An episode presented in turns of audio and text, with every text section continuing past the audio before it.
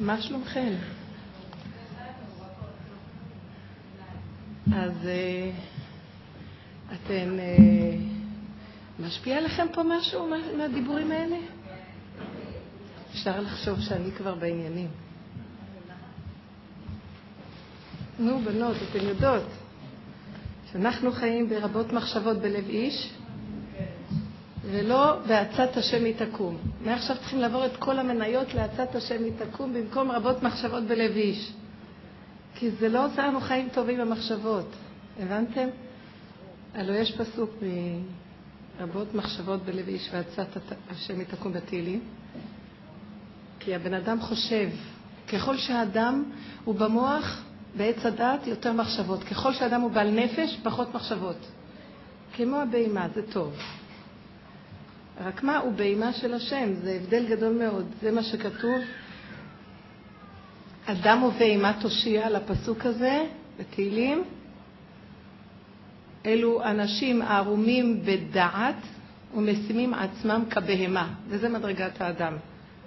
טוב, הדור הזה לא חשוד שאין לו דעת, אז מה שנשאר לנו זה רק המדרגה הבאה, משימים עצמם כבהמה. לא, חבל, כדאי להיות חשוד על זה. כן. אז אה, ברור שהדעת שיש לנו בדור הזה היא למעשה לא הדעת האמיתית. הדעת האמיתית זה יראה, יראת השם, לדעת אותי. לא צמא לרע, לא למים ולא ללחם, רעב לדעת את השם. הידיעה של השם, אי אפשר לדעת את השם רק אם נדע את עצמנו, כי אין לחפש אותו בעננים ובאוויר. למרות שמלוא כל העולם כבודו, אבל האדם יכול להשיג אותו רק מתוך עצמו. רק מהתבוננות על תהלוכת חייו, המידות והתוואים. לא מהדעת. מהדעת אי אפשר להשיג את השם, אפשר לצאת מן הדעת ואז משיגים אותו. מה שגדולי עולם עבדו, מיצו את הדעת בצורה מקסימלית, הדעת הטבעית דרך השכל של התורה, עד שהם הגיעו למקום שהם הגיעו ממש בחינה של מלאכים. אנחנו הנשים, לא מתאים לנו במקום הזה להיות. מה, אתן חתמתם בכולל כרטיס? מה אתן עושות כל יום? אנחנו רק דרך תהלוכת החיים, המידות, התוואים, היסודות, המאבקים. דרך זה מבשרי אחזה אלוקיי, כך אומר איוב. מהמקום הזה אני חי עם השם. איך? הקנאה, השנאה, התאוות השונות, הקמנות, הנטרנות, כל המידות. איך אני חי שם את השם? רגע אחד שהבן אדם נותן טיפת איפוק להתבונן על עצמו, איך הוא נראה, לא על הגירוי שבא לו, שמעורר לו את המידה הזאת, אלא על התגובה שלו, שעיניו יהיו על עצמו, והתגובות של עצמו מעוררות אותו לראות איך הוא נראה, במקום הזה יש לו בחירה. אם להימשך אחרי אותה מידה מקולקלת ולהוציא אותה החוצה על השני, שזה הגאות, או להיכנס בייאוש שהמופנמים, המוחצנים מוציאים אותה וצועקים, המופנמים נכנסים פנימה, נסגרים, גם הם מלאים לכלוך, אל תדאגו, כולם מלוכלכים, אבל הם חושבים שאלה שותקים, אבל הם שותקים עם, עם כל רעש גדול בפנים של מחשבות ומידות של נקמנות ונטרנות. אם כן, אם אני מתאפק לא להוציא החוצה ולא בפנים, מה לי בחוץ, מה לי בפנים, אבל המידה משתוללת, ואני בוחר לומר ככה, המידה הזאת שבאה עכשיו, הלוא האנרגיה היא עצומה, קנאה, שנאה, כעס, נקמנות, תאווה, זאת אש לא נורמלית, נכון או לא? מי נתן לירק החי הזה את החיים? מי נתן לזה את האנרגיה? מה עומד מאחורי קנאה? זה בא לבד? זאת אומרת, זה חי לבד? זה לא חי לבד, נכון? רגע, הקנאה הזאת, אתם ראיתם פעם איך נראית קנאה? אם היה לנו איזו מצלמה רוחנית, היינו רואים הר געש מתמוטט. לידינו. כעס, רציחה, תאווה. אנחנו פשוט, אין לנו את ההתבוננות להעמיק, לראות את התהלוכה שקורית בפנים. היינו רואים מיליון תאים מתים. היינו רואים סערה, היינו רואים את הסבל של הנפש. אנחנו מנותקים מהנפש. ניגשים, ששים אלי קרב, לריב, לשנוא, לקנא. זה עושה לנו אפילו איזה חיות. גונבים את החיות שיש בתוך המידה לעצמנו. אדם אוהב לריב, נהיה לו חיות מזה, כן? אחר כך, אם היה רואה מה קורה לו בפנים, אין לו דעת, אין לו לב, אין לו הבנה, אין לו רגש. הכוחות שלו מתים מזה שהוא משפריץ את המידות הרעות החוצה. באותו רגע נראה לו חיות. אבל באמת, הוא גונב את החיות הזאת לעצמו. החיות הזאת זה בורא עולם. החיות מאחורי המידה בורא עולם. אם מאפקים אותה, הקנאה נעלמת, מופיע השם. האדם מקבל שמחה, הערה פנימית, חיות. זאת אומרת, על מנת להיות בקשר עם השם צריך המתנה, לא להוציא את המידות והתוואים החוצה. מאחורי הכוח הזה עומד אלוקות. ככה מתחילים לחיות עם השם. אנחנו כנשים, וכל העולם גם, גם הגברים. הגברים הלכו לאיבוד בדעת בגלל שאנשים לא עושות עבודה בתוך המידות. אז הם מרחפים עם הדעת.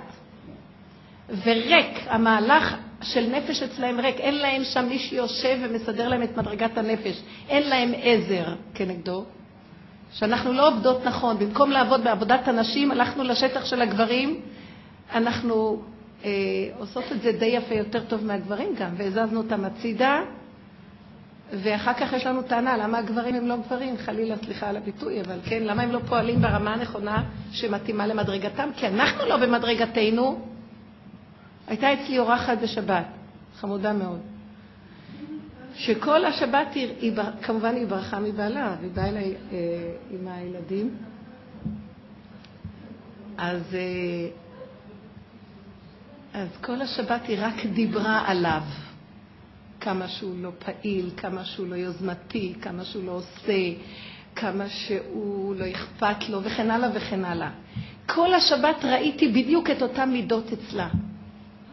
זה פשוט מדהים איך שהבן אדם לא רואה את עצמו, וראיתי איך שהשם זיווג זיווג מדהים, שהם פלג גופה ממש, דומים מאוד. אז למה לפחות לראות את עצמה ולהפסיק להתלונן על השני? אני לא אמרתי שהוא לא, אבל גם באיזה רשות היא אומרת שהיא כן, ומי נתן לה את הרשות לדבר עליו? כי היא לא רואה את עצמה, אין אדם רואה ניגי עצמו. לא אמרתי לה את זה. לא אמרתי לה את זה, הקשבתי והקשבתי והקשבתי. בסוף השבת היא אמרה לי, היה לי מאוד נעים לדבר איתך. אמרתי לה, היה לך נעים לדבר עם עצמך. אני לא דיברתי איתך, אני רק עשיתי את עצמי ראי וכלי שלך, בתקווה שתראי שההד החוזר של הדיבור יחזור אלייך ותראי מה קורה איתך. אז לה היה רכב והייתה אצלי עוד אורחת, ושתיהן בשלב האחרון של ההיריון מאוד מאוד כבדות. אז אה, אחרי הכל, נגמרה הבדלה, היא מהר דאגה לקבל את כל העסק ולהתארגן לנסוע, והיה לה רכב. אז אמרתי לה, ומה עם החברה? אולי תיקחי אותה קרוב. כמובן דאגתי לעצמי שהיא לא תישאר, כן, החברה.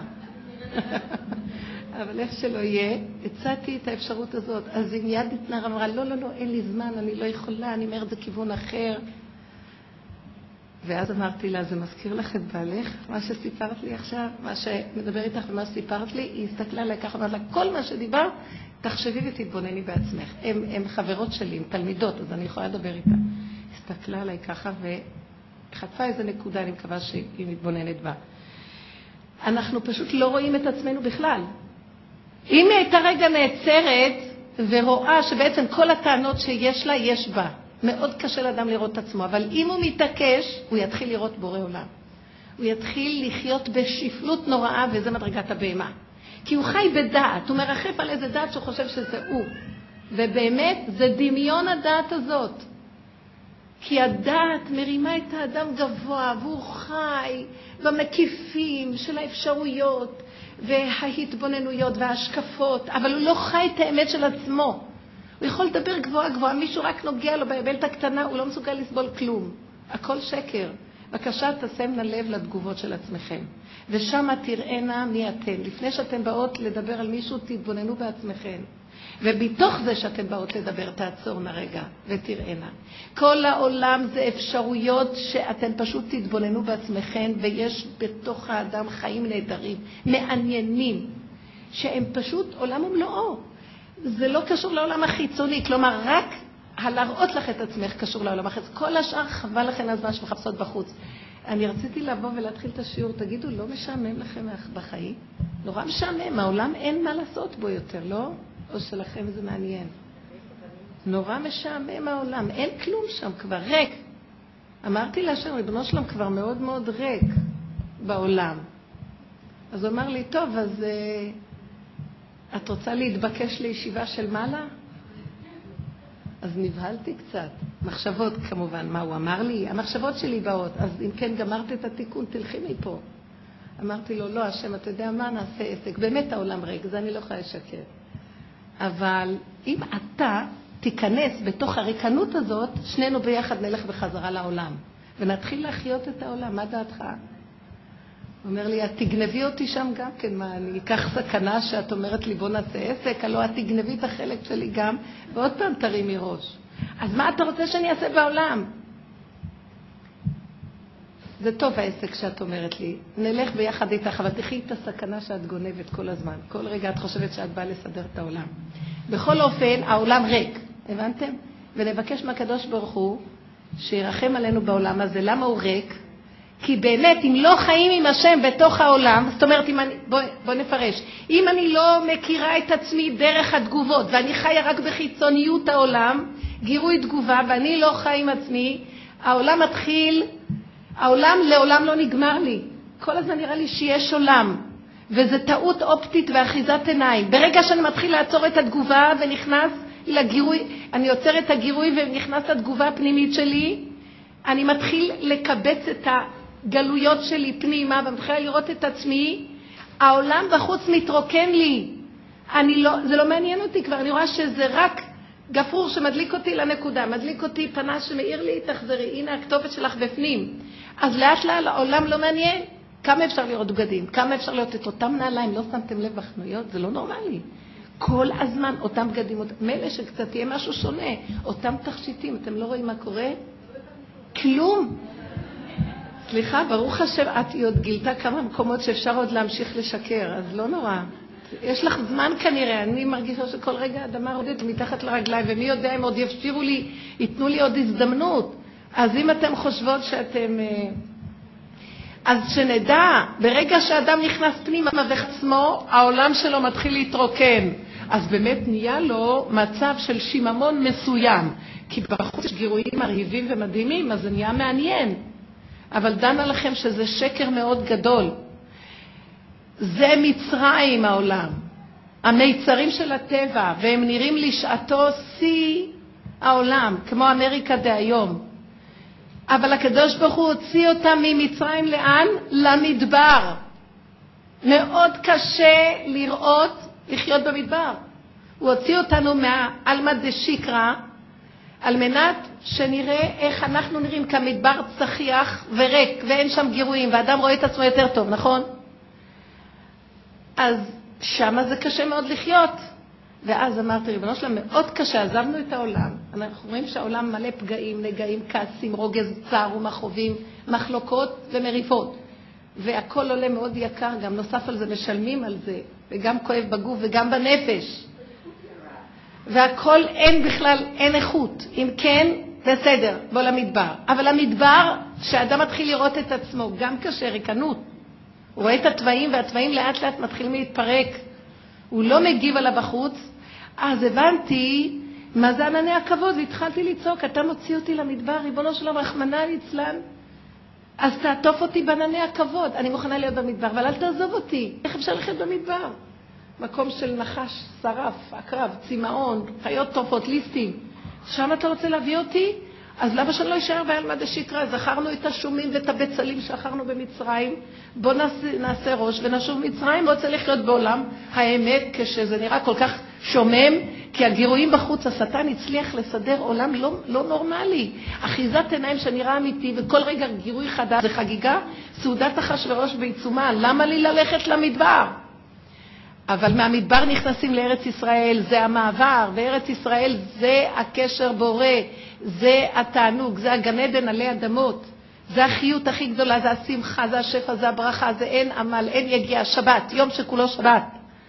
אז למה שהשם אומר, אני רוצה להביא אתכם לתכלית, כל העמים יישארו במצרים. אתם מגיעים לתכלית. למה שאני, שתפסידו? לא בזכותכם, בזכות אברהם, יצחק ויעקב, וכל הצדיקים האמיתיים. אז אני זוכר חסד אבות, ואני רוצה להביא אתכם לתכלית, שתחיו בגן עדן. לא כמו שאנחנו חיים היום. אבל אתם צריכים לעשות את המעבר. קודם כל תוותרו על מצרים, תיכנסו לעצמכם, תעברו את המדבר. אבל אנחנו אומרים לו, אבא, במדבר אתה עטפת את אבותינו? כל מה שעשית לנו במצרים, ביציאת מצרים, יהיה לקראת הסוף, כך אמרו חז"ל. זה היה בגוף, וככה אנחנו צריכים בנפש לעבוד. בנפש לבקש במדבר, קודם כל לצאת מהמיצרים האלה למדבר. אל תריבו עם הבעל, אל תריבו עם החברים, אל תגיבו, תתאפקו, תשתקו. נפלתם, קמתם עוד פעם, עוד פעם, עוד פעם. הכיוון הוא המדבר. הרבה אנשים אוהבים את המדבר היום, לא? בנות, זה לא טבע, זה לא מדבר. תלכו עד מחר למדבר, זה בריחה. המדבר נמצא בתוך, כנסי פנימה. תשתקי, תתאפקי, תראי את עצמך, תראי את הדמיונות של עצמך. התוואים והיסודות, זה הבסיס שהשם ברא אותך, זה החומר גלם היסודי, זה המדבר, זה החיות ששם, זה הכל. תקריא אותם. אבל זה מאוד קשה לחיות ככה, אז אבא, ענני כבוד. מי חי במדבר? שודדים ליסטים. אני לא יכולה לחיות במדבר, אתה רוצה להעביר אותי, אבל המעבר קשה, אז אל תעזוב אותי. והשם צדיק אוהב אותנו, גם הוא ייתן לנו ענני הכבוד. הוא לא ירצה שנמשיך לריב עם אף אחד, הוא גם לא רוצה שנריב עם עצמנו ונראה את השלילה של עצמנו כמות מזה. הוא רוצה שנרפה ונגיד לו, אבא, אני לא יכולה לתקן כלום. כגמול עלי אמו אני תינוק. טוב, עזבתי כבר להאשים את העולם, אבל אני רואה את עצמי, אפשר, רק מזה גם אפשר למות. יש לי עוד דעת שלא יכולה לסבול את השלילה. הדעת הזאת זה השקר הכי גדול. כי באמת, אני לא מציאות בכלל, אז למה אני כאוב ממה שאני רואה? כי אני רוצה להיות משהו אחר. אבל ללכת למדבר זה השם אומר, תתרוקן מהכל, אל תהיה שום דבר. תעבוד אותי, תקיים את התורה המצוות בלי לרצות להיות ראש, בלי לרצות להיות מצליח, בלי להיות שפיץ, בלי להגיע, בלי דרגה. אז למה שאני אעבוד אותך? כי אני ציוויתי אותך, וזה יהיה באמת לשמה, לשם שמיים. אני, לשם שמיים, אני אעזור לך. תצאי מהשקרים שלך. למה את נשארת במצרים עם כל הצורה איך שאת חיה, גם עם התורה, גם עם המצוות, גם עם הכל, גם עם העולם סתם מסביבך?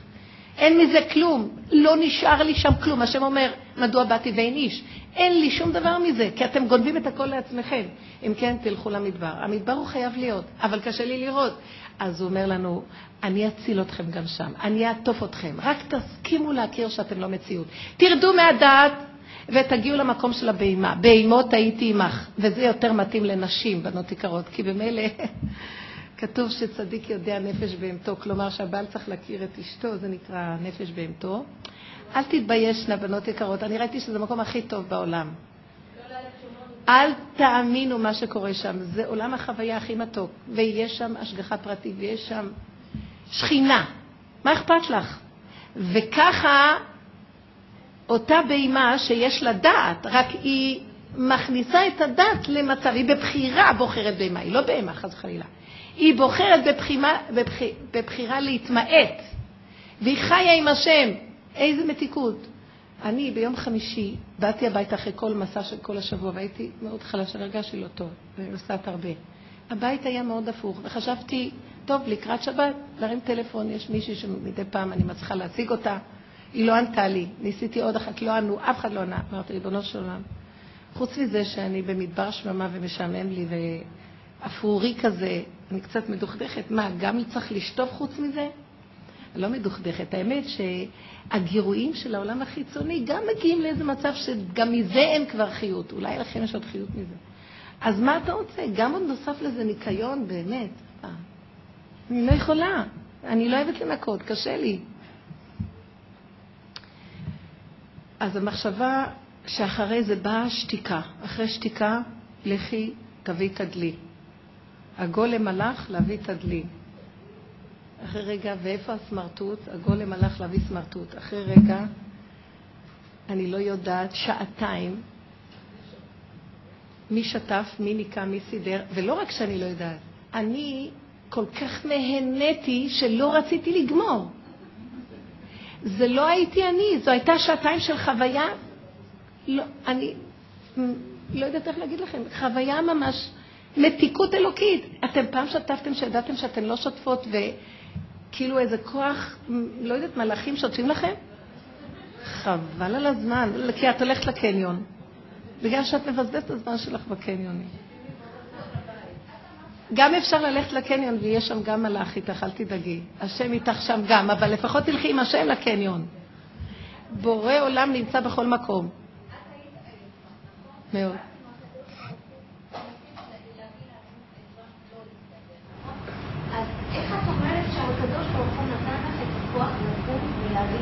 יופי. גם יכולה להיכנס למיטה. נכון. לא, אין לי כוח, הודעתי שאין לי כוח. יפה, שאלה מאוד טובה שאל. מאוד שאלה טובה. אני אומר לך דבר אחד. דיברתי עם השם, כל מה שעובר לי, זה אמרתי לכם, יש לי אב הרחמן, ידיד נפש, הפסיכולוג הגדול. אני יותר לא פונה לאנשים כבר מזמן, קודם כל אין לי כסף אליהם. דבר שני, ראיתי שהוא מצוי לי כל הזמן, ובכל דבר. ואני יכולה לדבר איתו חופשי חופשי, ואני, והוא לא כועס עליי ואני לא מתביישת ממנו. זהו. אני מציעה לכם את הכתובת שלו, אם תרצו, אני אתן לכם איפה. שבע, שבע, שבע. ואז, רגע, אני רק אגמור את הדבר הזה. ואז התיישבתי והייתי קצת באיזה מין דכדוך כזה, כי מי רוצה לראות בית כזה ולמי יש כוח אחרי הכל? ובטבע. כולנו מתחילות מהטבע, כי אנחנו חיים בעולם הטבע. ואז ראיתי שהדעת שלי גורמת לי את הדכדוך. כי זה לא חייב להיות ככה. אני לא מאמינה לעצמי, זה תרגיל שאני עובדת איתו הרבה. אני לא מאמינה לעצמי. אבל תמיד זה מתחיל שאני גנובה. ברגע שמתחילה להיות לי איזו מציאות של מצוקה, אני בודקת מאיפה באה המצוקה, אני רואה, אה, זה הדעת שלי עשתה לי את המצוקה. כי אם היית עכשיו הייתי גולם או בהמה, הייתה לי מצוקה?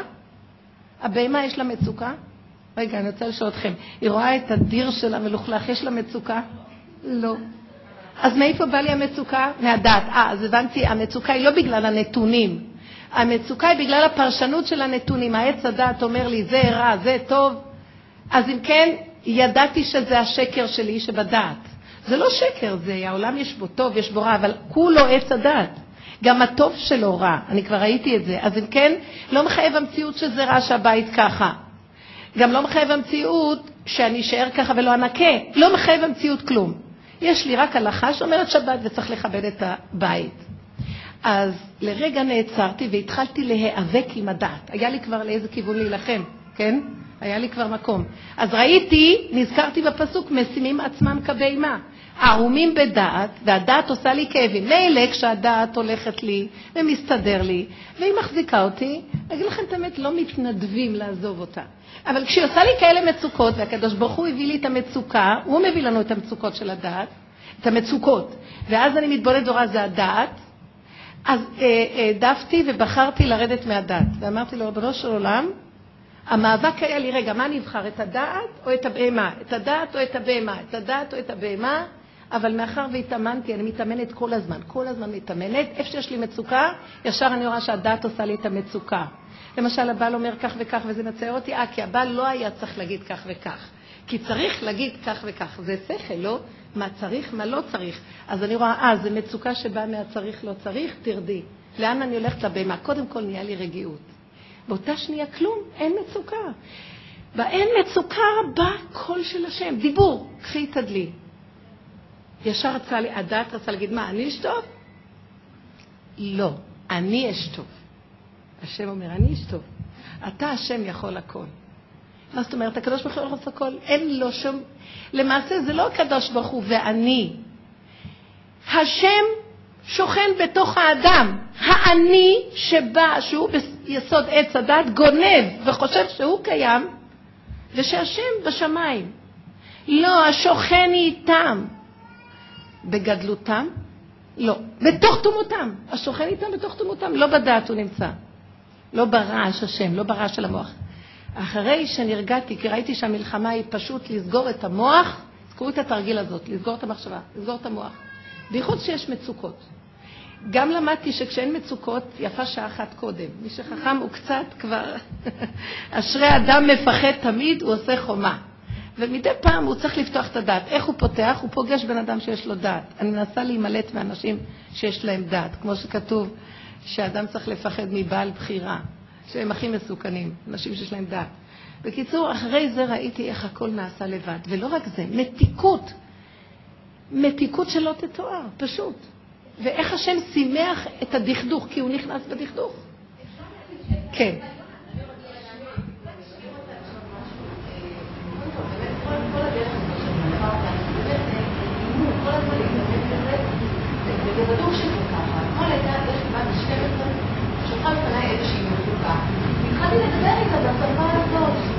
ראיתי אני רוצה לשאול ילד יכול... הילד יש לו פחות דעת והוא חי בדרך הזאת. הדעת מקלקלת לו את האמונה. אבל האומנם שהילד צריך קצת לקנות דעת, צריכים את הדעת. הילד מתפתח בדעת על מנת לזכות בבחירה של הדעת, כן, לא, המושגים מה כן, מה לא, ולבחור ולהתאבק מה עכשיו כן לעשות, מה לא לעשות, במערכת של טוב ורע. אבל הילדים דהיום לא צריכים הרבה זמן לדבר הזה. מהר מאוד הקדוש ברוך הוא מוליך אותם לדרך האמונה. אין להם כוח. העובדה שהם אומרים הרבה פעמים, אני לא יודע, אני לא יכול, לא רוצה. הם לא רוצים להיכנס במאבק של הדעת הרבה. ואנחנו מאוד מבוהלים מזה, ודעו לכם שהדעת שהשם נתן להם מצד הנשמה, יורדות נשמות מאוד גדולות לעולם. הרמח"ל כותב שלקראת הסוף משיח יביא איתו נשמות גדולות מאוד מעולם התוהו, שגם יש להם אורות מאוד גדולים ואור אמונה מאוד גדול. למשל, חז"ל אמרו שמשה רבינו היה נשמה מעולם התוהו. זה נשמות מאוד גדולות עם הערות גדולות, והם באים פה כדי לקנות כלים. הדעת אמורה לסדר את הכלים, הכן והלא מסדר את הכלים, אבל האומנם כל כך הרבה דעת שיש כבר המון כלים, יותר מדי, הכלים כבר נהיה מצב של חושך. אין הערה, כל כך הרבה, שימו לב כמה מכונות, כמה אפשרויות, כמה כישרונות, מדי. אז בסופו של דבר, למעשה האור והכלי זה דבר אחד, רק הוא כרגע מתחזק ככלים. הילדים רוצים את ההתפשטות, את הפשטות של האמונה. הם לא רוצים את המאמץ של הדעת יותר. וככל שאנחנו נבין אותם, יתגלה דעת יותר גדולה ממנה, מהדעת של עץ הדעת. זו דעת השם ממש. זה דעת, האמונה יש לה דעת אלוקית גדולה מאוד בתוכה. למשל, הדיבורים שאנחנו מדברים, זה לא דעת של עץ הדעת. נכון שיש פה הרבה דעת, אבל היא לא דעת של עץ הדעת. היא דעת של אמונה, דעת של משיח, אור של משיח. אז אם כן, אל תפחדי.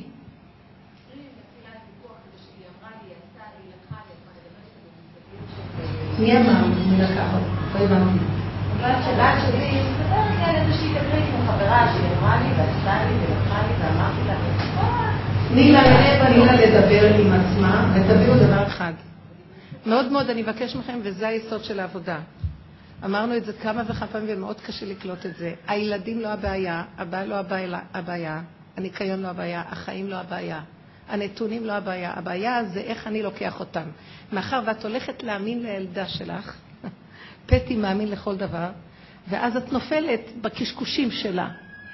עכשיו כשהיא מדברת איתך ככה, ישר את דואגת, מה אני אגיד לה? למה את לא דואגת מה פתאום שאני אגיד לה? תני לה לדבר ואת תפחדי שמא תגיבי, אל תגיבי. אל תגיבי לפחות מילולית. תוכלי לעשות אהה, היא, הוא.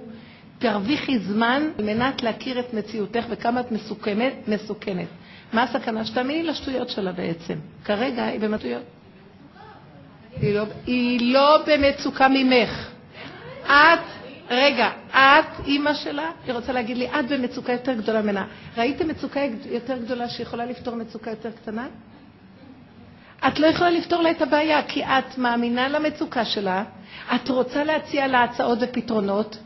זה שמציעים, הולכים ליועצים ומציעים לנו עצות, זה אחיזת עיניים. כי הם לא נותנים לנו כוח איך לקיים את מה שמציעים, הם רק נותנים רעיונות מאוד יפים.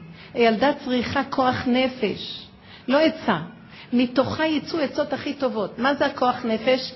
היא צריכה לראות אותך רגועה, שאת מסתכלת עליה, את לא בסערה ממנה, את לא הולכת שולל אחרי הדיבורים שלה, את לא דנה את החברה ואותה ואת כולם. אתם מכירות איך זה מיד תופסות עמדה של פרשנויות. את במקום שאת נז... לא, תני לי לגמור. את במקום שאת נזהרת מאוד מאוד. הפסקת אותי, הפסדת. היית צריכה להתאפק. אני לא מדברת, זה גולם מדבר, אז עכשיו אני לא יודעת מה הגולם, הגולם לא יודע מה הוא רצה להגיד. את בעמדה מאוד נחותה כשאת מנסה ללכת מצד הדעת. את מאמינה בדעת.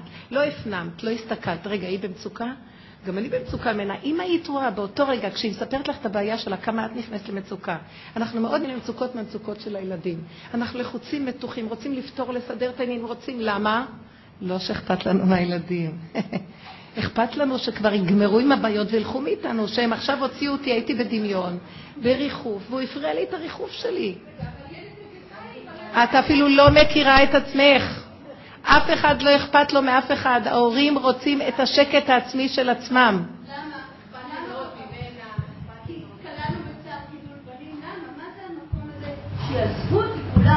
כי התקללנו בצער גידול בנים, התקללנו בביאיתם כאלוקים. הקדוש ברוך הוא יכול לפתור את הבעיות של כל אחד ואחד עם אותו אחד בלי שהוא יזדקק לי שאני אתערב לו באמצע לסדר את עולמו. עולמו מתנהג נהדר. האני שלי והאחריות הגדולה שלו, והוא גנב את הקטע העולם, לא נותן לי בעולם להיכנס, והוא חושב שהוא יסדר לילדים את החיים, לבת את החיים, לכולם את החיים, בייחוד אימא עם הילדים שלה. אנחנו צריכות להיות באותו, דע לכם, דנה לכם, שהבהמות חיות עם, עם אמונה הרבה יותר מאיתנו, ידע שור קונהו. תיתנו לילדים מרחב להתחבר לבורא עולם, שאת המצוקות יפנו לבורא עולם. את אל תהיי הפתרון שלהם, אל תהיי הכלי נושא הפתרון. תתני מרחב, תרגעי, ואז תראי שגם לך אין אמונה, אז מה את מציעה להם? עוד איזה ייעוץ? עוד איזה עצה שהיא באה מתוך האינטרסים או מתוך הנגיעות האישיות שכבר דנת את החברה חמישים פעם כילדה קרובה אליך יותר כביכול, ואולי את לא נוהגת באמת ומתאים את הילדים. אם כן, בנות, אני למדתי דבר כזה, לעמוד בדרבה, להם במה לדבר. והם רק רוצים לפעמים לדבר, הם לא רוצים את העצה שלך. תני להם לדבר, תני להם לצעוק, תני להם להגיד ותגידי נכון, אוי, תני תמיכה. תני תמיכה למה? לא לעצות שלהם, לזה שהם עכשיו פותחים את הפה ומדברים, צריכים להוציא. תני תמיכה, כולם צריכים להוציא. ואחרי כמה דקות שאת רגועה, ושאת נותנת לה אהבה, ונותנת לה שמחה וחיות והתבוננות, ותגידי לה, אני אוהבת אותך, אני לא יודעת מה להגיד בדבר הזה, אל תמהרי לדעת.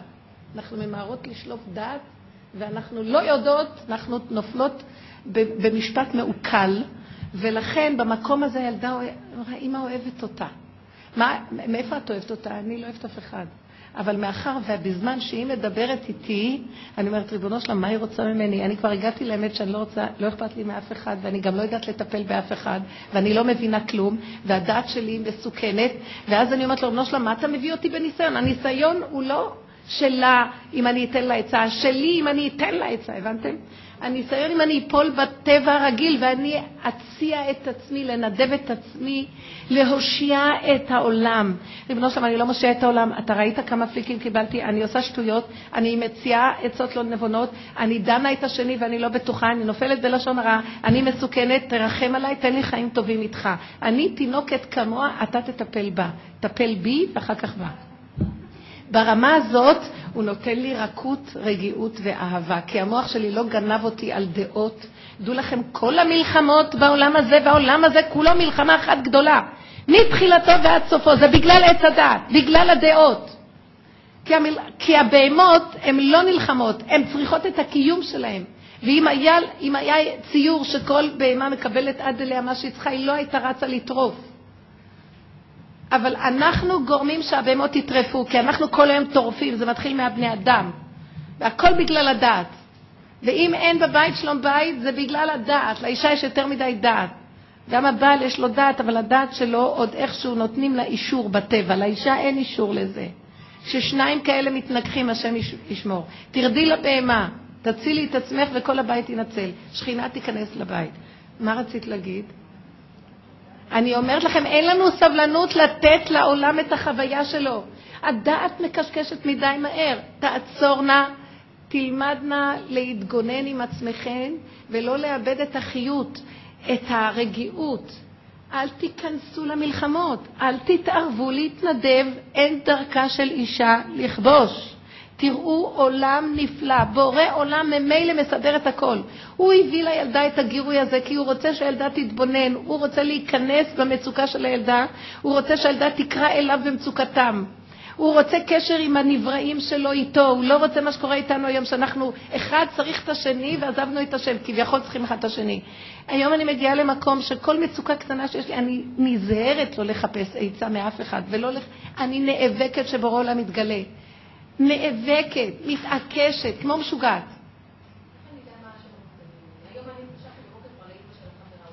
אני אומרת שאת רצה בשט, ועכשיו האימא של החברה תגידי לה ככה, היא תגיד לך ככה, תגיד, למה את מתערבת? אתן יודעות שאנחנו עושות לעצמנו בעיות. אם היית ממתינה בסבלנות ונכנסת פנימה, וחיה את הסכנה שלך לא לצאת, הכל היה נפתר והאימא לא הייתה יודעת, והיא לא יודעת, ולא היה המריבות והמחלוקות שיש היום. אני מאוד נזהרת. אני אחר כך ראיתי, בשביל מה היית צריכה להגיד? לא, לא קרה לכם הרבה פעמים, בשביל מה היית צריכה להגיד? לא היית צריכה להגיד להיא. בשביל מה הלכת לדבר מהם? בשביל מה הלכת לסדר את זה? לא היית צריכה לפנות להוא, גם ביזיונות, חוטפים חרפות וביזיונות ובושות. מה? טוב, אז בחרת בדרך טבע. יש בחירה בדרך הטבע, בסדר. גם בעץ הדת יש בחירה לבחור בטבע. אבל הפסדת את הקשר עם השם. הפסדת את המתיקות שיש לך חיות ממנו יתברך וזה זורם מתוכך ואת מחוברת.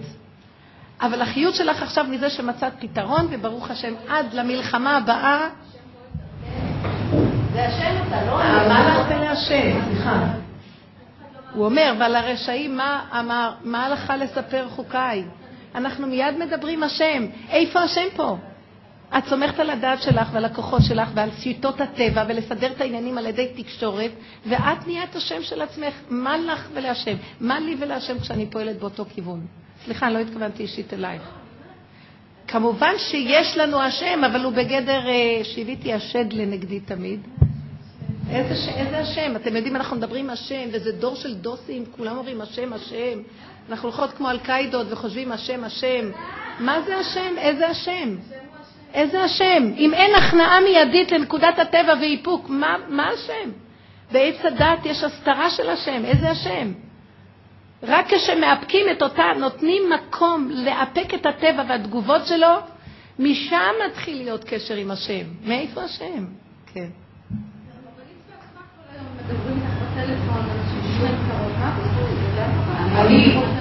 אני יודעת למה השם מביא לי, כי הוא אומר לי, ישר תזהרי לך, מדברים אלייך. רב אושר היה אומר את זה, כל אחד שבא אליו ובאו אליו כל כך הרבה נשים צרות, הוא היה אומר, מה, הם באים להגיד לי את הצרות שלהם? השם שלח אותם להראות לי את עצמי. ורק ככה אני יכולה לעזור להם. אני יכולה לעזור להם? אני לא יכולה לעזור לאף אחד. השם, כשאני נכנעת לו מאותה נקודת פגם שאני רואה מהשני, ואני מעבירה אליו, מתגלה השכינה, השכינה עוזרת להם. לא בלעדיי האלוקים יענה את פרעה. הוא מדבר, את לא מאמינה שהשם נותן עצות? הוא נותן דיבורים ויש סייעתא דשמיא בזה? מובן שזה צריך להיות בדרך הטבע, אבל זה השם בתוך הטבע, מתגלה. מוכרח, ואם תתאמני בזה תראי. ואפילו אם תגידי, לא, אני דיברתי, זה הדעת מקשקשת לך. לא, זה השם דיבר, ככה תגידי. תתחילי להתאמן שזה הכל בורא עולם. מבינה מה אני מתכוונת? סליחה.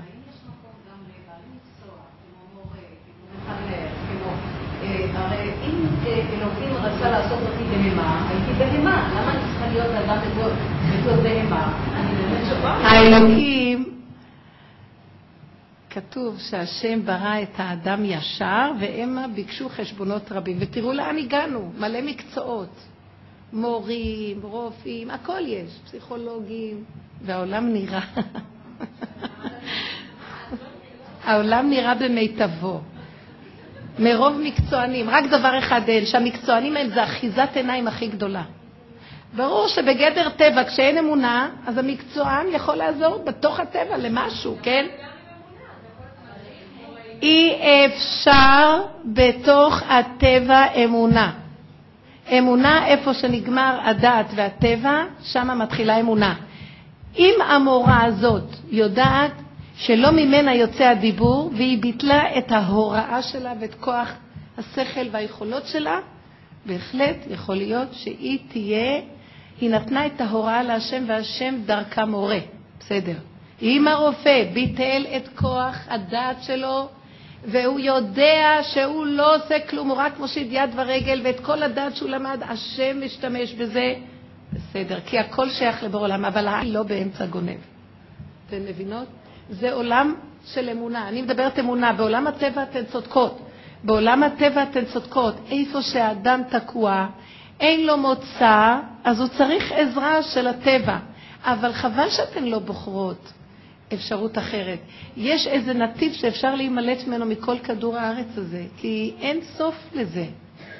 אתן לא, לא רואות מה קורה היום, שאין סוף ללכת לרופאים, ואין סוף ללכת ליועצים, ואין סוף ללכת לאלטרנטיבות, ואין סוף ללכת לפתרונות.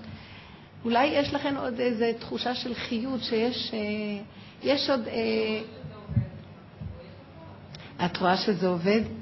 אה, והתבוננת על מקומו ואיננו, עוד קצת קט תראי שאת צריכה ללכת לאחד נוסף. רק זמנית זה נראה לך שזה עובד.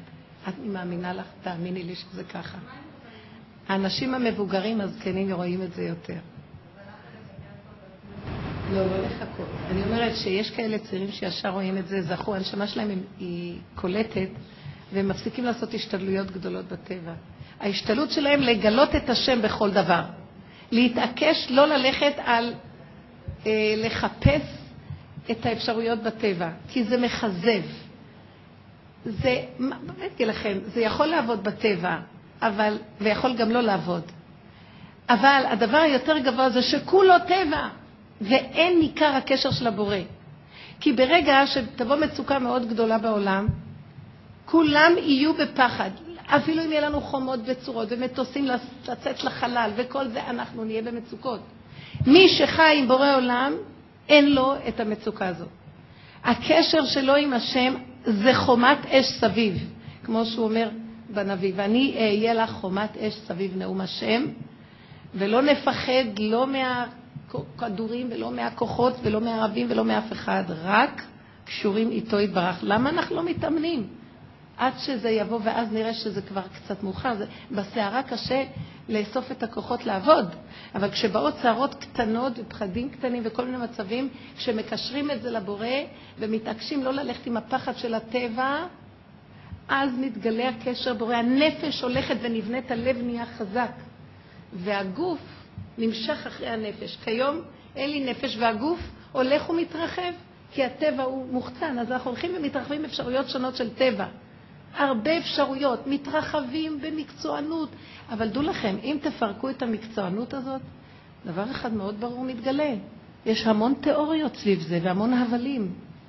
אולי נקודה פה ושם של אמת, כמו שאמרו המרגלים, איזה נקודת אמת, כדי שהלשון שלהם, לשון הרע שלהם תישמע, אבל המון שקר. שימו לב, מה לומדים הילדים שהם יושבים בבתי ספר כל כך הרבה שעות? מה יוצא מהם? כמה דעת יש היום? כמה ספרים נכתבים, תיאוריות, אקדמאים, עושים כל מיני עבודות, דוקטורנטים? מה זה מועיל? שמה? הילדים, הנוער חסר חינוך, מה אתם מדברות? מה אתם, אתם לא רואות מה שנעשה בעולם? איך? כל העולם? כי הדעת היום צריכה לרדת לגדר של אמונה, עבודת מידות בדרך האמונה. מה שיא עבודת המידות? אין עוד מלבדו, אני תקוע. לא להתבייש להודות. גם דוד המלך אמר חטאתי להשם. הוא לא התבייש. גם משה רבנו, התורה כותבת עליו, ויקצוף משה. מה? כולם שומעים מה, לדורות מה שמשה קצף, יצא לו קצף בפה, הוא היה כעסן?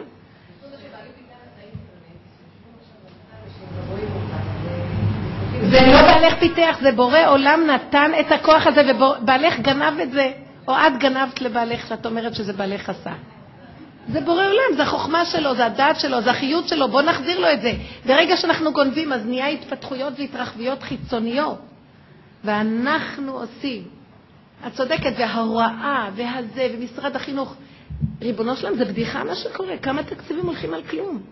בנו את גשר המיתרים, גשר המותרות. מה צריך את זה? מיליארד, כמה זה לה? כמה, פחות ממיליארד, ואנשים רעבים ואין להם קורת גג, והעולם נראה אני לא מבינה, מה צריך את זה? מה מסתתר מאחורי זה? תעמולת בחירות? מה יש בזה? חמש שנים לפני שהרכבות עוד נוסעות בכלל? למהר לגמור. אני לא מבינה, אתם לא מבינות שהעולם עלמא דשיקרא? רק אין עוד מלבדו. וכולנו, אני בעצמי אותו שקר. אם אני לא יודעת שאין עוד מלבדו, מיד השקר שלי נגנב. אני רוצה כבוד, אני רוצה פרסום, אני רוצה כיסא, וככה כולנו. כן. יש שאלה שסידרתי מההתחלה, כן. שאני גם לא יודעת אם היא... שאלה בכלל. אה, כאילו, הדבר שאת מדברת עליו זה כביכול תוכנית הידיעה שלא נדע, להשליך את השכל הדעתני שלנו. אבל כן, השאלה שלך, בסדר, אבל הפנייה שלך אלינו, הגלגלים שכולם עובדים כאן היפר. עכשיו, זה ברור לי, זה הכלים, האלף-בית, האותיות, ההבנה, זה, זה הכלים, נכון? אבל אני באה ושואלת, אני כבר שומעת אותך הרבה זמן, כאילו, מצליחה, את לא מצליחה. עכשיו, מכיוון שאני גם אה, עצלנית גדולה ומחפשת קיצורי דרך, או... אז אני באה ושואלת, אין דרך אחרת שאת תעבירי לי את כל זה? אז נכון, אין לנו נבואה ואין לנו טלפתיה ואנחנו לא קוראות, אבל אין איזה דרך אחרת ש... שפתאום חשבתי שאני כמה פעמים מנסה להצביע, וכל פעם, פעם לא טיפה לזה. אבל אמרתי, כאילו, אם פעם אחת היית באה לשיעור, ויושבת ורק מסתכלת עלינו, ולא מדברת, הרי היינו צריכים להתקרב פה כמו נמרים. זאת אומרת, השאלה שלי, האם יש אפשרות אה, לחוות ביחד, לעבור את הדרך הזאת, באמת במקום של עמדות, בלי להפעיל את השכל, אני לא יודעת. כי אני רוצה, אני לא רוצה ליפול כל כך הרבה, כי כל עשר פעמים שאני נופלת, פעם אחת אני רוצה, רוצה כבר לזרז, אין לי כוח, הילדים גדלים, אני מזדקנת, כאילו, יאללה, למה אני מחכה? אין לזה גדולה. הכל תלוי בך. תראו, אני אגיד לכם, אני, הביאו אותי לשיעור הזה, אני צריכה לדבר, אני מקבלת על זה כסף. אם אני לא אדבר, אוי ואבוי, אני לא, לא אקבל את המעטפה. לא, זה לא הרבה כסף, זה כלום. זה התנדבות. אבל בכל אופן, אני רוצה להגיד לכם, שמה שהיא אמרה כאן זה מדהים. השתיקה, בשתיקה אפשר לפעול הרבה יותר מהדיבור. מה אני אעשה? אני אשב עכשיו ואני אשתוק פה. אז זה הדבר הכי טוב שאפשר לעשות. ואני אגיד לכם את האמת, את הכאבים שיש לנו אנחנו עושים לעצמנו. אה, איך כתוב בתהילים? אה, אני מוכרחה לקרוא לכם מהפסוק הזה של התהילים. אולי יש לי אותו פה. אה,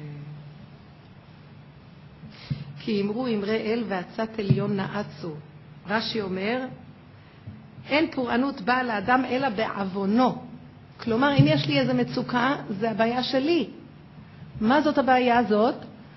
אני לא סוגר מהר את המוח ובוחר לסגור וללכת לבהמה בפשטות. הכנעה, דיבור עם השם, למסור לו את הדעת, לרדת מהעץ הזה. אז הכאבים שלי גדולים. מי הביא לעצמו את הכאבים? אני. את נפלת, באותו רגע שנפלת תקומי, תגידי, אני לא מסוגלת, למה אני מתערבת עוד פעם? אם ההתערבות הייתה עושה בסדר, טוב. אבל ההתערבות גורמת לי מצוקה, לחץ, מתח. אז למה לי להתערב? אז מאחר ואני מופקרת ורגילה להתערב ורגילה לצעוק ורגילה להשתולל, אז זה לוקח לי יותר זמן. השם אשם לי?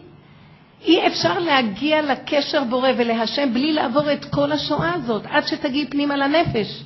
זה גוג ומגוג. זה השואה הרוחנית שצריכים לעבור עד שמגיעים להשם באמת. התכסינו במלא שקרים, במלא גדלות, במלא רצונות, המון רצונות. ככה אני רוצה ולא ככה. ואם משהו יבוא ויסתור את זה, אני אזהר ויצא לי קצף. כי אני רוצה מה שאני רוצה. לא, אני לא הולך עם השם. אם מצאת השם היא תקום, אלא עם רבות מחשבות. אני לא הולך עם המצוי, אני הולך עם הרצוי, מה הייתי רוצה, שזה הדעת. אז אם כן, מי השם לכאבים שלי? ההתאמנות היא כל הזמן, נפלת כאן, עוד פעם, עוד פעם. לאט לאט את מתחילה להשתתק ולהיכנס פנימה בצמצום פנימי. בנות, כל עוד... לאט לאט, זה לא סתם לאט לאט, זה נורא לאט. אני אגיד לך את האמת. שנים, אז בעבודה הזאת, משה אה, עבד 80 שנה, ותגידי תודה, כי את לא הורסת. אם את, בתוך המהלך הזה, אפילו אם נפלת, נותנת מחשבה אחת שהבעיה היא שלך, ויש לך איזו נקודה של צער ואת מעלה אותו להשם, תדעי לך, הקדוש ברוך הוא ירפא לכל השיוורון שהיה. את לא תאמיני שזה לא יפגע בילדים. לא הצעקות ולא הכעסים ולא בשלום בית. יש יד מכוונת שרואה אותך בתהליך של העבודה. אבל התהליך הוא קצת איטי, וזה תלוי בנו.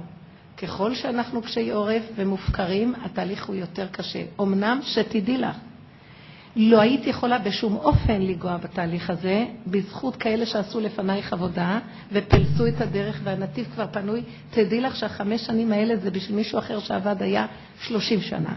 לא מבינה שזה הולך ומתקצר, גם את הקצת הזה אנחנו כבר לא יכולים, ואני דווקא מעודדת, תגידו להשם, אנחנו לא מסוגלים. תתגלה עלינו וזהו, כי אנחנו כבר לא יכולים. אז הוא אומר, אז לפחות תנו לי כמה טיפים. חמש דקות פה, שלוש דקות פה, ארבע דקות פה, התבוננות פה. אל תלכו על טבע, תראו מה אנחנו אומרים. לא, בא המוח גונב. לא, אבל יש פתרונות ויש אפשרויות מהעולם.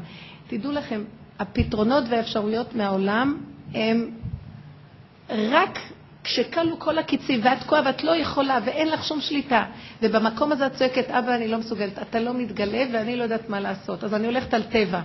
באותו רגע בורא עולם הולך איתך להשתמש בטבע, והטבע זה הוא. אותה עצה של מורה ורופא זה הוא. כי את עד הסוף הלכת איתו. אני מבקשת את המאבק. לא מיד להגיד, טוב, המורה תסדר לי, זה יסדר לי, ההוא יסדר לי. כי אין מאבק, ואת המאבק בורא עולם רוצה. במאבק הזה, אם היינו רואים, נופלים ערימות של קליפות, ומלכות השם מתגלה. מלא מסכים נופלים. תני מאבק. כמה דקות מאבק. אל תתייאשי בכלל. את גם לא צריכה תוצאה. את צריכה את הנשימה הזאת, מוח סגור. לאט לאט את תתחיל להיות בריכוז וצמצום ויהיה לך חיים טובים עם עצמך, זה כבר גאולה פרטית. אתן מבינות, זה לא קשור לעולם. את לא צריכה לסדר את, הפתר... את המצוקות של הילדים ולא שום דבר. תישארי ברגיעות ותמסרי להשם את המלוכה, כי להשם המלוכה הוא מושל בגויים. מה זה הגויים? זה כל המידות הרעות. וככה תראי ישועה. אבל עוד פעם, עוד פעם, עוד פעם. נראה לך כאילו את מתנתקת מהילדים? את לא מתנתקת מהילדים או מהבעל, את מתנתקת מהריגושים והדמיונות שנלווים לתפקיד של האימהות ושל הנשיות. זה דמיון. והדמיון הזה והריגושים האלה וכל השקר שמסביב, זה היחסים שלנו בחיי הנישואים. אנחנו לא נשואים עם אמת, נשואים עם שקר, כל מיני רגשות וכל מיני מחשבות וציפיות ודרישות וביקורות, זה הנישואים. ואם רגע את נעצרת ואת מתחילה להתבונן ולהתאפק ולהסתכל על עצמך, אז הבעל אומר לך, מה, התנתקת ממני? אז תגידי לו, לא ממך מותק, מהשקר שבינינו. אני, אני הולכת ומתנתקת. אז אין לנו קשר, כי השקר היה קשר. אז אם תמתין קצת, בואו נעביר את המלח ונגיד בוקר טוב, מה נשמע, איך היה, בלי יותר מדי מעורבות רגשית בכל דבר, לאט לאט נתחיל להיות הגונים ונחמדים, ויש איזה חוט שמקשר והוא השכינה, ויהיה בינינו אהבה סתם מתוקה פשוטה. של שני אנשים שחיים ביחד והם טובים אחד לשני. תראו איך נראים היום חיי נישואים. מי צריך את האהבות הדמיונות? ואחר כך כועסים אחד על השני והדיבורים, ואחר כך צריכים מלון, כי חייבים קצת לסדר את הכאבים, וגם אולי מטוס ונסיעה לחוץ, אז עולה המון כסף, ואחרי זה גם רבים במטוס ובמלון, כי אי אפשר, חייבים לריב. כן. איך, איך?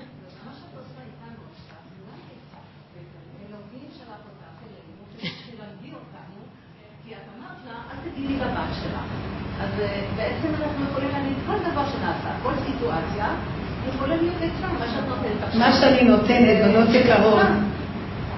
מוכרחים, מאחר ואנחנו כלכלים וזה הצורת תקשורת שלנו, אין ברירה, רק שגם אנחנו נלך בתקשור הזה. דעו לכם, אתם ואני אותו דבר, לא שאני יותר מכם ובא לתת לכם עצות. מה שבמקום הזה אני רואה שברור למה אני פה, זה כי אני במאבק עם עצמי. יש לי תוכנית, והתוכנית הזאת היא במהלך של עבודה, ואת העבודה הזאת אני יכולה להקנות לכם. אני נותנת לכם את המעברים שלי, את הניסיונות שלי, את הנפילות שלי, את הכאבים שלי, אני חותמת לכם, מאה אחוז, גם אם לא תסכימו, אתם תגיעו לזה, זו הדרך ואין דרך אחרת. אבל צריך סבלנות. אז אם אני פה, אני פשוט אומרת לכם, בנות, בנתיב הזה שאני עוברת, בואו גם אתם, כי אין דרך אחרת, אין פתח מילוט אחר. אז לא שאני באה להראות לכם, אני פשוט מעבירה, עוזרת לכם גם אתן במקום הזה שאני הולכת, וככה הלכו אחרים לפניי, וכך אחד מוביל את השני, לא אחד אין לו יתרון על השני, פשוט בגלל שיש לי קצת יותר איזה ותיקות בנקודה, אבל אני כל רגע מועדת לנפילה. אז בדרך הזאת אני גם מנצלת את זה, השם מנצל את זה, בואי, יש עוד קבוצה, שגם אחד עם השני. אז זה מוכרח להיות שזה נראה כאילו אני מראה לכם, אני מורה, אני לא מורה שיושבת למעלה, אני בבור ואני בשור ואני, אני לא יודעת איך להסביר לכם, אני בכאבים, יש לי הרבה ניסיונות, יש לי הרבה איסורים, אבל אני יותר ויותר רואה שזה דמיונות. המאבק שלי לא להיכנס לשיוורון ולא לרחמנות עצמית ולהבין שזה היצר הרע, הדעת, אומרת, נו, המפונקת, נו כבר מתי, כמה אני עובדת קשה, עוד לא התחלתי לעבוד כלום, אז אבל אני לא יכולה לעמוד בניסיונות, אז הוא אומר לי, תסגרי את המוח ותחי את הנשימה, אני נמצא שם, ולאט לאט אין בעיות, אין ניסיונות, ונראה לי הכל דמיון. אתם מבינות? תעברו את המהלך הזה. אז את זה אני מעבירה אליכם. האמת היא שזה הכל מאוד מאוד פשוט, אנחנו מספרים את הכל. אז זה מה שאני יכולה להראות לכם. אין ברירה ואין דרך. יש הוראה ויש הוראה. אבל זה לתכלית, כאשר אני בעצמי חלק מאותו מהלך, אבל אני לא באה עם חומר ספרים ומדברת. אני רוצה, אני אגיד לכם את האמת, אני גם עושה את זה, אבל האמת שאני בכלל לא בעבודה, אל תאמינו לי, אבל רק כל אחד יקלוט מה שהוא רוצה וייקח. ויש דבר אחד שאנחנו צריכים מאוד מאוד להבין. רב אושר אמר דבר מאוד מעניין. בעבודה הזאת, מי המורה שיכול להראות לכולם? מי שיותר מקולקל מכולם. כלומר, מי שנפל יותר למטה, בעומק, והוא רואה שהוא יותר בשקרים, יותר, הוא רואה את עצמו יותר נכון. הוא זה שיכול להראות לכם, הוא יותר גרוע מכם לשעתו. כביכול הוא רואה את עצמו יותר בגריעות. אני רואה יותר את השקרים שלי, אני רואה יותר את הגניבה, אני רואה יותר את הרציחה, אני רואה יותר את התאוות, אני רואה יותר. כי התהליך הוא, מי שבעץ הדעת בחיצוניות לא רואה את עצמו, רואה את כל העולם, רק לא את עצמו. בתהליך האמיתי אני מתחילה לראות את עצמי, אז אני נכנסת יותר ויותר פנימה. זה עולם לא פשוט, זה המדבר הזה. אז מאוד קשה להיות שם. אז אני אבל יכולה להיות בדבר הזה יותר מורה שלכם מה שאתן לעצמכם, כי אתם בהחצנה. אז עכשיו כולנו צריכים להתחיל להיכנס פנימה. ולאט לאט, כשאת בתהליך הנכון, השם שמה מראה לך. את לא צריכה אותי. אפשר, איש את רעהו יעזור, צריכים את החברות, האחת תדבר עם השנייה במעברים שלה. אבל באמת, אם לא מצאת את החברות, והיא לא, לא עונה לך בטלפון, את לא יכולה לדבר, אין כאן אחד יותר, אחד פחות. ההפך, מי שמראה את הדרך הוא הכי פחות מכולם, הבנתם? למה הוא הכי פחות? כי הוא הכי מכיר את הפגמים של עצמו. כי אנחנו בדמיונות, בעולם הדת אנחנו בדמיונות, אף אחד לא מכיר את עצמו. ולכן כל היום אנחנו טוענים על השני ועל השלישי ועל הבעל ועל הילדים, כי נראה לנו שהם לא בסדר. תסתכלי רגע על עצמך, את עומדת רגע במקום שלך, זה מה שדיברתי על האישה הזאת שבאה אליי לשבת. היא לא הפסיקה לדבר עליו רק דברים שליליים. ומה שלא ניסיתי, באיזה כיוון אם בסוף שתקתי. בשום אופן לא תראה שבעצם כל, אין אדם פוסל, רק במומו הוא פוסל. הוא לא רואה את נגעי עצמו. כל הנגעים אדם רואה חוץ מנגעי עצמו, כך כתוב בתורת נגעים. לכן הוא צריך ללכת לכהן שיראה לו. הכהן זה השכל היותר גבוה שמתבונן באדם. לסגל לנו את הכוח הזה שיכול להתבונן באדם. אין לכם מה ללכת, והחיים הם מדהימים, הספר פתוח והשם מדבר, החברה אמרה לך כך וכך, ונפגעת, תסתכלי על הפגיעה שלך. הסיפור הזה, זה בורא עולם קורא לך, את לא צריכה להגיד, מה אני אעשה? מיד את יודעת מה צריך לעשות. כל שאלה שאתם תשאלו, מיד תראי, הילדה הזאת שעכשיו במצוקה, מראה לך את עצמך איפה את. בדרך הטבע את הולכת לסדר לה כי את בגובה ואת יכולה ואת המורה שלה וההורה שלה.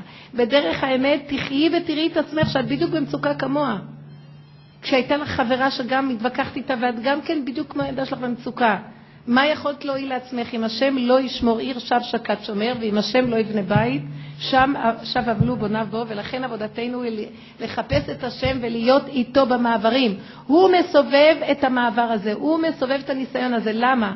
הוא בוחן אותי, אם אני אבחר ללכת בטבע או לסדר לי פתרונות, שזה השטחיות, ואז אני מתנתקת ממנו ואני עם הכתר על הראש, ומוקדם מאוחר יחזרו הניסיונות שוב ושוב, כי לא תפסתי את הנקודה, או אני אומרת לו, אבא, אני ראיתי מניסיונות החיים שאני בעצם עוד לא נגעתי בעצמי, כל עבודתי היא לעצמי, כי אני הולכת לתת דין וחשבון אחרי 120 על עצמי ולא על אף אחד. ואני צריכה לנצל את הניסיון שעכשיו השני אומר לי כדי להכיר את מציאותי ומשם להתחבר אליך, כי בדרך כלל מציאותי היא עגומה מאוד, אני צריכה את הבורא עולם. כן? אנחנו מאוד מאוד מדומיינים, מאוד. אוי לאותה בושה וכלימה מיום הדין, כמה שיראו לנו את איזה דמיונות, אנחנו ממש, לא יאומן מה שאנחנו, טיפחנו איזה תדמיתנות מדהימה ושהיא לא קיימת בכלל. וזה מה שגורם לנו את הכאבים, כי אם מישהו יסתור אותה, אוי ואבוי איזה כאבים יהיו לנו, וזה הכל דמיון. כן. כן.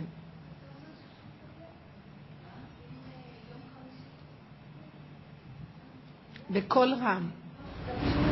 ואני אומרת משהו שמאוד מחזק. יום חמישי הבת שלי החליט בלילה ששלחתי נתיב. אמרתי לו ביום שישי אין בעיה, רק שאני לא אכלת בשבת. כי הבת שלי השם היא לא אמן. והוא אמר יש לי סידה בחמש או בשתיים וחצי בצהריים. עשיתי שאלה, מה את אמר לי, תלכי אחרי הבית. זוכרת ששבוע שעבר דיברנו, אמרת לי גם מה שהוא רוצה, תעשי מה שהוא רוצה. מה שהוא רוצה, כאשר הנפש מחוברת לבורא, לא מה שהוא רוצה סתם.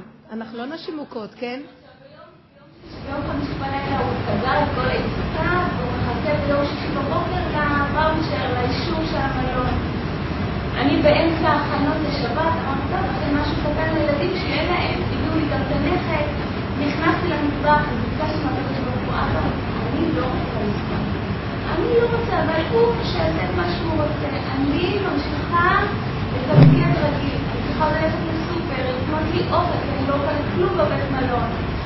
אבא, אני רוצה להישאר בבית, אני רוצה להגיע בשבת לבית כנסת, אתה יודע בדיוק מה שאני רוצה. השתפך שלך בורא עולם. עד שעה שלוש לא נתן לי לפרק את המזוודות, אולי לי הייתי סתם בארבע וחצי, וברוך השם לא נסגרנו. אז זה באמת כוח של אמונה עם תפילה, כי זה בסוף, אין, אין, רואים את זה. להתעקש. לא לריבים הבא, לא מבינות שכל ניסיון שבא זה לא קשור אליו, זה קשור אליי, תחפש נא את עצמכם בתוך הניסיון. הבעל הוא המקל, הילד הוא המקל, לא, הוא לא מקל חלילה, כן. אבל לשעה, לשעה זו, לגבי דידי, הוא הנושא של הניסיון. הוא כלי נושא של הניסיון שלי.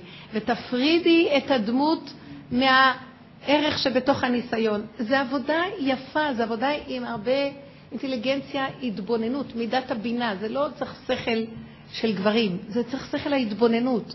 תמתיני, תתאפקי, כל כבודה בת מלך פנימה, תיכנסי פנימה, זה מושג הרבה יותר עמוק מאשר רק בגדים וצניעות חיצונית. זה, זה מושג חיים, כל כבודה בת מלך פנימה, הכל נמצא בפנים, השכינה בפנים. תתחילי להתגלש פנימה. למה את ברחובות מסתובבת? לא ברחובות החיצוניים, ברחובות בנפש. המוח כל הזמן מתקשקש ודיבורים במוח, ואני לא מוצאת פתרון, כי אני כמו, כמו נחש שאוכל את הזנב שלו, ככלב ששב על קיאו. אז למה אנחנו לא עוצרים, מתאפקים וחודרים פנימה לעצמנו, מתבוננים, נעצרים, מדברים עם השם? תדברי, תדברי. הדיבור הזה האמנתי כי אדבר. כוח הדיבור נברא עולם, זה כוח האדם והבחירה שלו, העיקר זה הפה, אין כוחנו אלא בפה. וכל הבחירה שלנו זה לא בידיים ידי סף, כמה פעולות נעשה.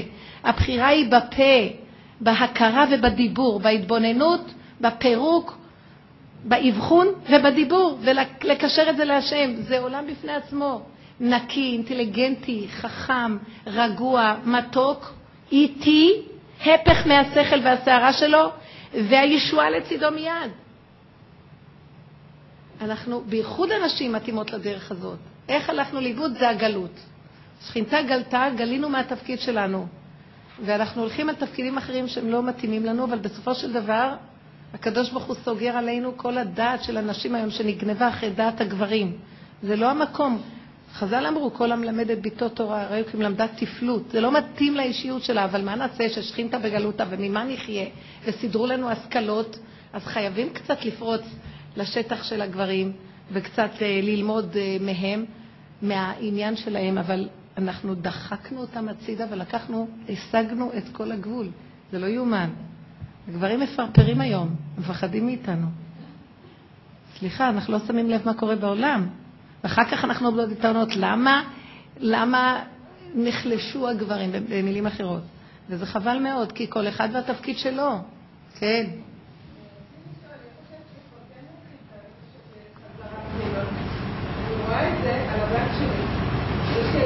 מאוד אינטליגנטית ומאוד מאוד חליפת שכל ומאוד אמיתית.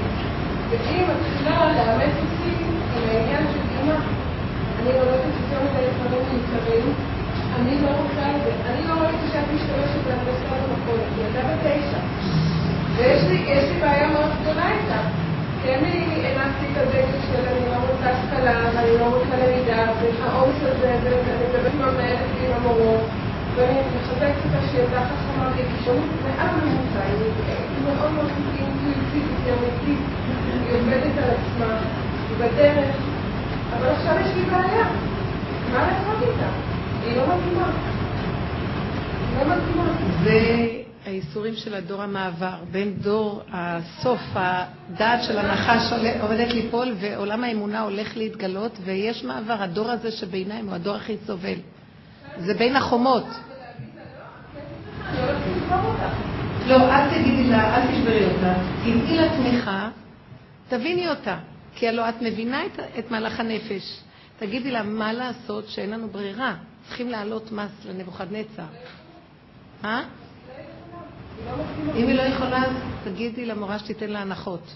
כלומר, שתפתור אותה מדברים מסוימים, תבקשי במקום זה משהו אחר שתעשה. כן?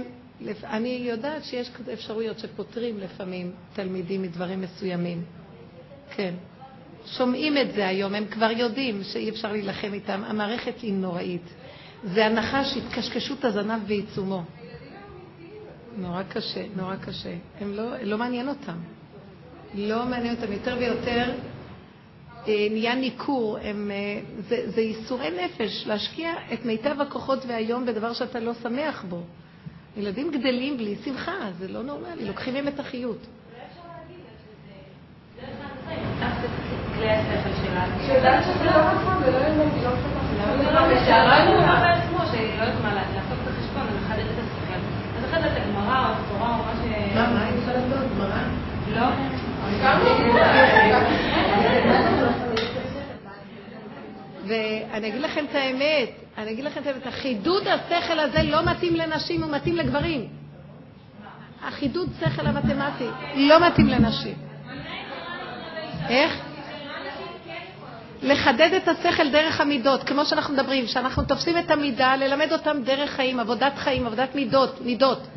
להגיד להם, הדיבור הזה שדיברת, בואי תפרקי מאיפה הוא בא, למה הוא בא, מה את רוצה, תכירי את עצמך, תראי את השקרים שלך, תראי את הנגיעות, איך את נראית.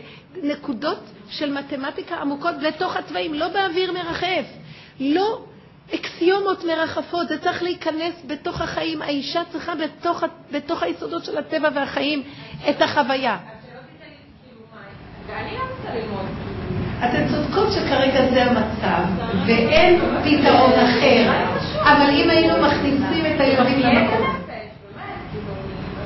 אז למה הילדה הזאת לא חיה? ועוד 80 אחוז. אז זה מה ש... אבל הילדה לא מתחברת למתמטיקה. היא אומרת, היא מציעה שכדאי לשכנע אותה שזה לתועלתה. אבל באמת מאוד קשה. אני אגיד לכם דבר אחד, בסופו של דבר הילדים יכולים להגיע, בסופו של דבר הילדים יכולים להגיע למקום שאנחנו כופים אותם לדבר, והם בסוף יגלו עניין. אבל העמדנו להם את נקודת הנפש. הרגנו להם נקודה. ברור שזה כמו תינוק, הרבה פעמים תינוק לא יכול לסבול איזה משהו, למשל האמא מאכילה אותו משהו שהוא לא יכול לסבול, והוא עושה ככה, והאמא מכריחה אותו, בסוף הילד נכנע. הילד נכנע והוא אוכל, אבל משהו אצלו מת. אתם לא שמות לב? הילדים האלה גדלים אחר כך במצב של קהות מסוימת של חושים, כולנו קורבן של החיים האלה, ואחר כך, כשאנחנו אה, חיים ואומרים, את לא רגישה, את לא מבינה אותי, את לא... כי אנחנו מתים בפנים. מכל מיני מעברים שלא אין רגישות. זה עולם אכזרי ושקרן ורמאי. והדרך היחידה היא לצעוק לקדוש ברוך הוא, וגדולי ישראל אמיתיים ברחו מהעולם.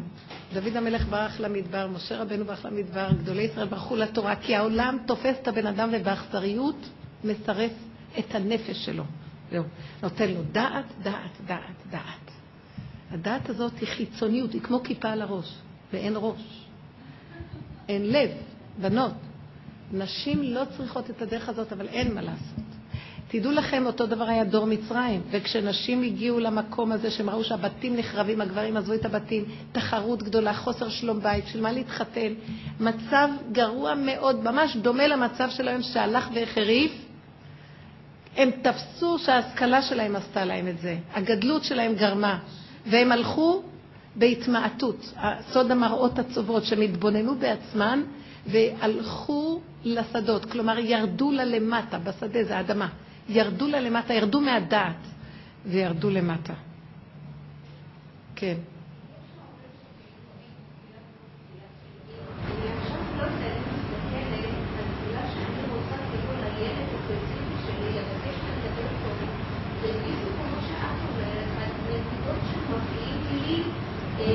למשל,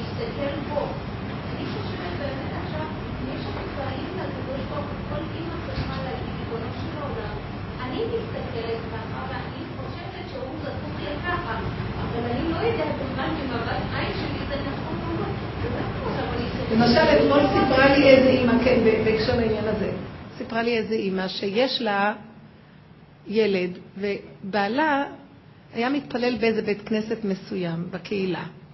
ואחרי כמה זמן, והילד היה הולך איתו, והכל על מי מנוחות. יום אחד האבא החליט שהוא הולך לבית כנסת אחר. ואז הילד אמר לו, אבל אני אוהב את הבית כנסת הזה. ואז האבא אומר לו, אבל אני רוצה פה. והילד התחיל להתבלבל. ואז האימא מאוד כאובה, אז היא באה אליי ושאלה, מה אני אעשה? אני לא יודעת מה לעשות, כי הילד הוא לא... הוא בצער, הוא רוצה ללכת עם האבא, ובתלמוד תורה אמרו שהילדים ילכו עם האבות למקום התפילה, ובעלי מתעקש על מקום אחר, והילד אוהב דווקא את המקום הזה, וראיתי את האימא במצוקה נוראה. אמרתי לה, מה לך ולבית כנסת? מה, את עוד צריכה תפילין, אני אדביק לך זקן, ותלכי את עם הילד להתפלל, נכון? את נראית במצוקה מאוד גדולה. ממה המצוקה שלך? אומרת לי, לא אני במצוקה, הילד. אמרתי לה, לא את במצוקה, שהילד לא, שהאבא לא, וכך אחת גדגה. אז אמרת לה, תתבונני במצוקה של עצמך. למה את נכנסת לשטח של הילד ולקחת לו את הניסיון שלו? את תפתרי לו את הבעיה? את רק מקרינה מצוקות.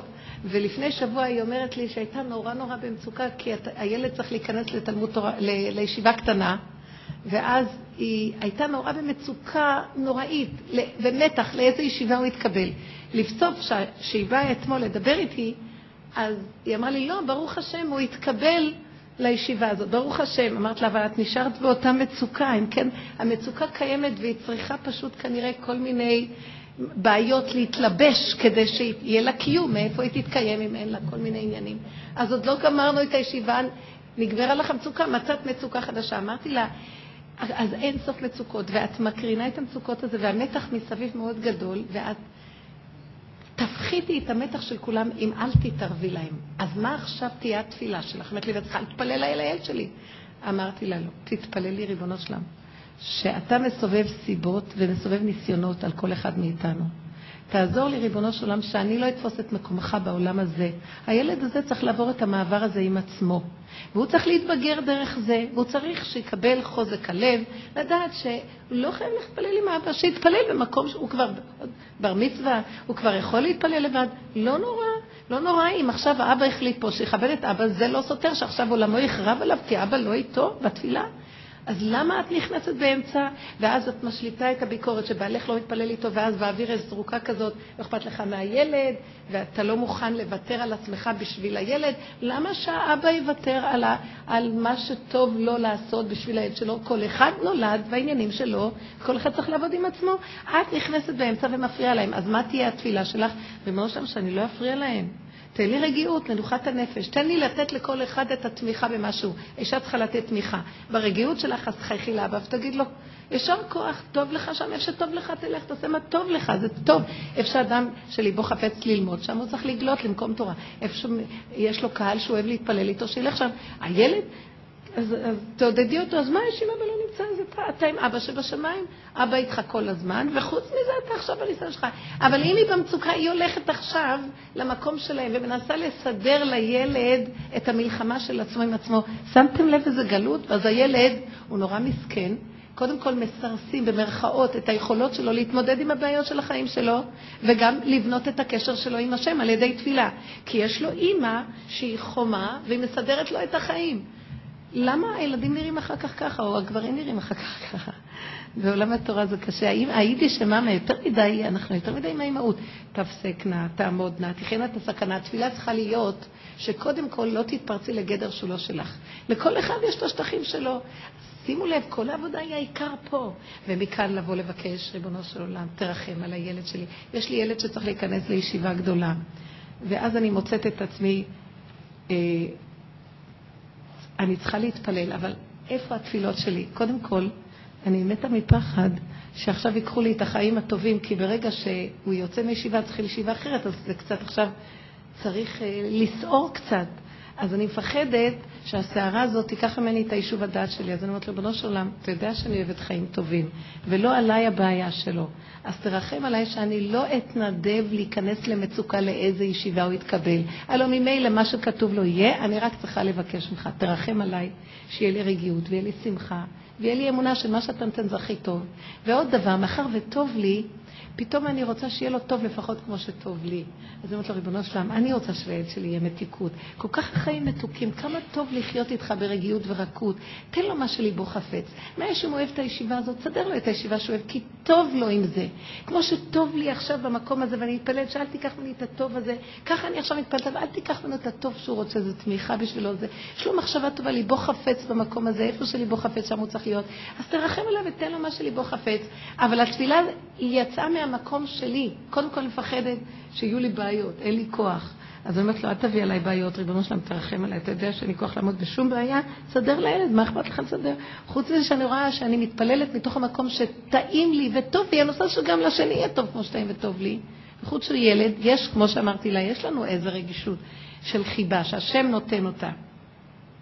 לכן התפילה באה ממקום של השתתפות בעניין של עצמך, כי תפילת החולה על עצמו מתקבלת הרבה יותר מאשר על השני. כתוב שתפילת החולה על עצמו היא יותר בעלת משמעות, כי אני הבעיה עכשיו. מה הבעיה שלי? שאני מתערבת ואני במצוקה, ואני מקרינה את המצוקה, ואני גומרת, גורמת לילד שהוא מבולבל, שאני נותנת לו תדמית רעה על האבא, ואחר כך, הוא, כך גם הוא מצוקה, לא יודע, אולי כן, אולי לא, אבל האימא מסדרת לי את העניינים, אז הוא יושב בשקט, בינתיים יש לו מצוקות, האימא מקרינה את המצוקה, אז יש לו מצוקה. למה את עושה את זה? אז תבינו מה הנקודה. התפילות צריכות לבוא מהנקודה ששייכת לנו בניסיון הזה. לא ממה ששייך למישהו אחר, בתוך הניסיון של הרבה היבטים. יש הרבה היבטים בניסיון הזה. הילד עם אביו, האבא עם, עם עצמו, הבית כנס, הילד עם הבית כנסת שזה, הילד עם האימא, האימא עם המציאות של כולם שיכולה לקלקל, ורק לא מסתכלת מה החלק הקטן שלה שהיא יכולה לקלקל. תלמדו לחתוך את הנקודות ולדייק, זה עבודת הבירורים, ותראו איזה ישועות תקבלו. תמליכו את השם בחלק שלכם, ומשם תתפללו על כולם. איך אנחנו יכולים להתפלל על הגאולה כשאנחנו חסומים ובשיא הגלות של הדמיונות? שמשיח יבוא, הכל דיבורים, איזה משיח? שיבנה בית המקדש, איזה בית המקדש? בפנים בנית קצת איזה מקדש מעט לבורא עולם? איזה משיח? עבדת קצת על העניין של מש... המשיח הפרטי שלך? מה אנחנו יודעים מה זה משיח הכללי? הוא יבוא, אבל איפה הכנתי לעצמי מקום כדי שאם הוא יבוא, יהיה לי שייכות אליו? בנות, מי שטרח בערב שבת, יאכל, ומי שלא, אם לא בנינו את המקום, אז איך, לא נוכל ללעוס את זה, זה יהיה מפחיד. לא נוכל להכיל את זה, כן. זה הנקודות, וככה אנחנו צריכים לעבוד. וזה עבודה, עבודת האמונה של אנשים, ועבודת המידות, מבשרי אחזה אלוקה, לא מדמיונותיי ולא מהדעת של עץ הדת. והקדוש ברוך הוא יוסיף לנו חן וחסד ורחמים, ואני הרבה ראיתי שמאיפה ניקח את הדעת של התורה במקום הזה, שזה דעת, אין לכם מושג כמה תורה יש בתוך האישה בפנים, פסוקים יוצאים לה מעצמות. יש לנו בתוכנו תורה. כה תאמר לבית יעקב, הקדוש ברוך הוא נתן חותמת של תורה בתוך העצמות שלנו. ויש לנו את זה בפנים. כמו שאמרו חז"ל, שהאשת חיל, הפיוט הזה נמשל לתורה. האישה, יש בתוכה את כל התורה. אבל לא ניכר מילה אחת של תורה, הכל במידות, הפגנה של מידות מדהימות. זה תורת האישה, ויש לה את זה בפנים, שלא תפחד, שאם היא לא תחזיק ספר לא יהיה. זה יהיה הספר של בורא עולם, עולם הספר, עולם הספרות הקדוש. תודה רבה לכם, בהצלחה.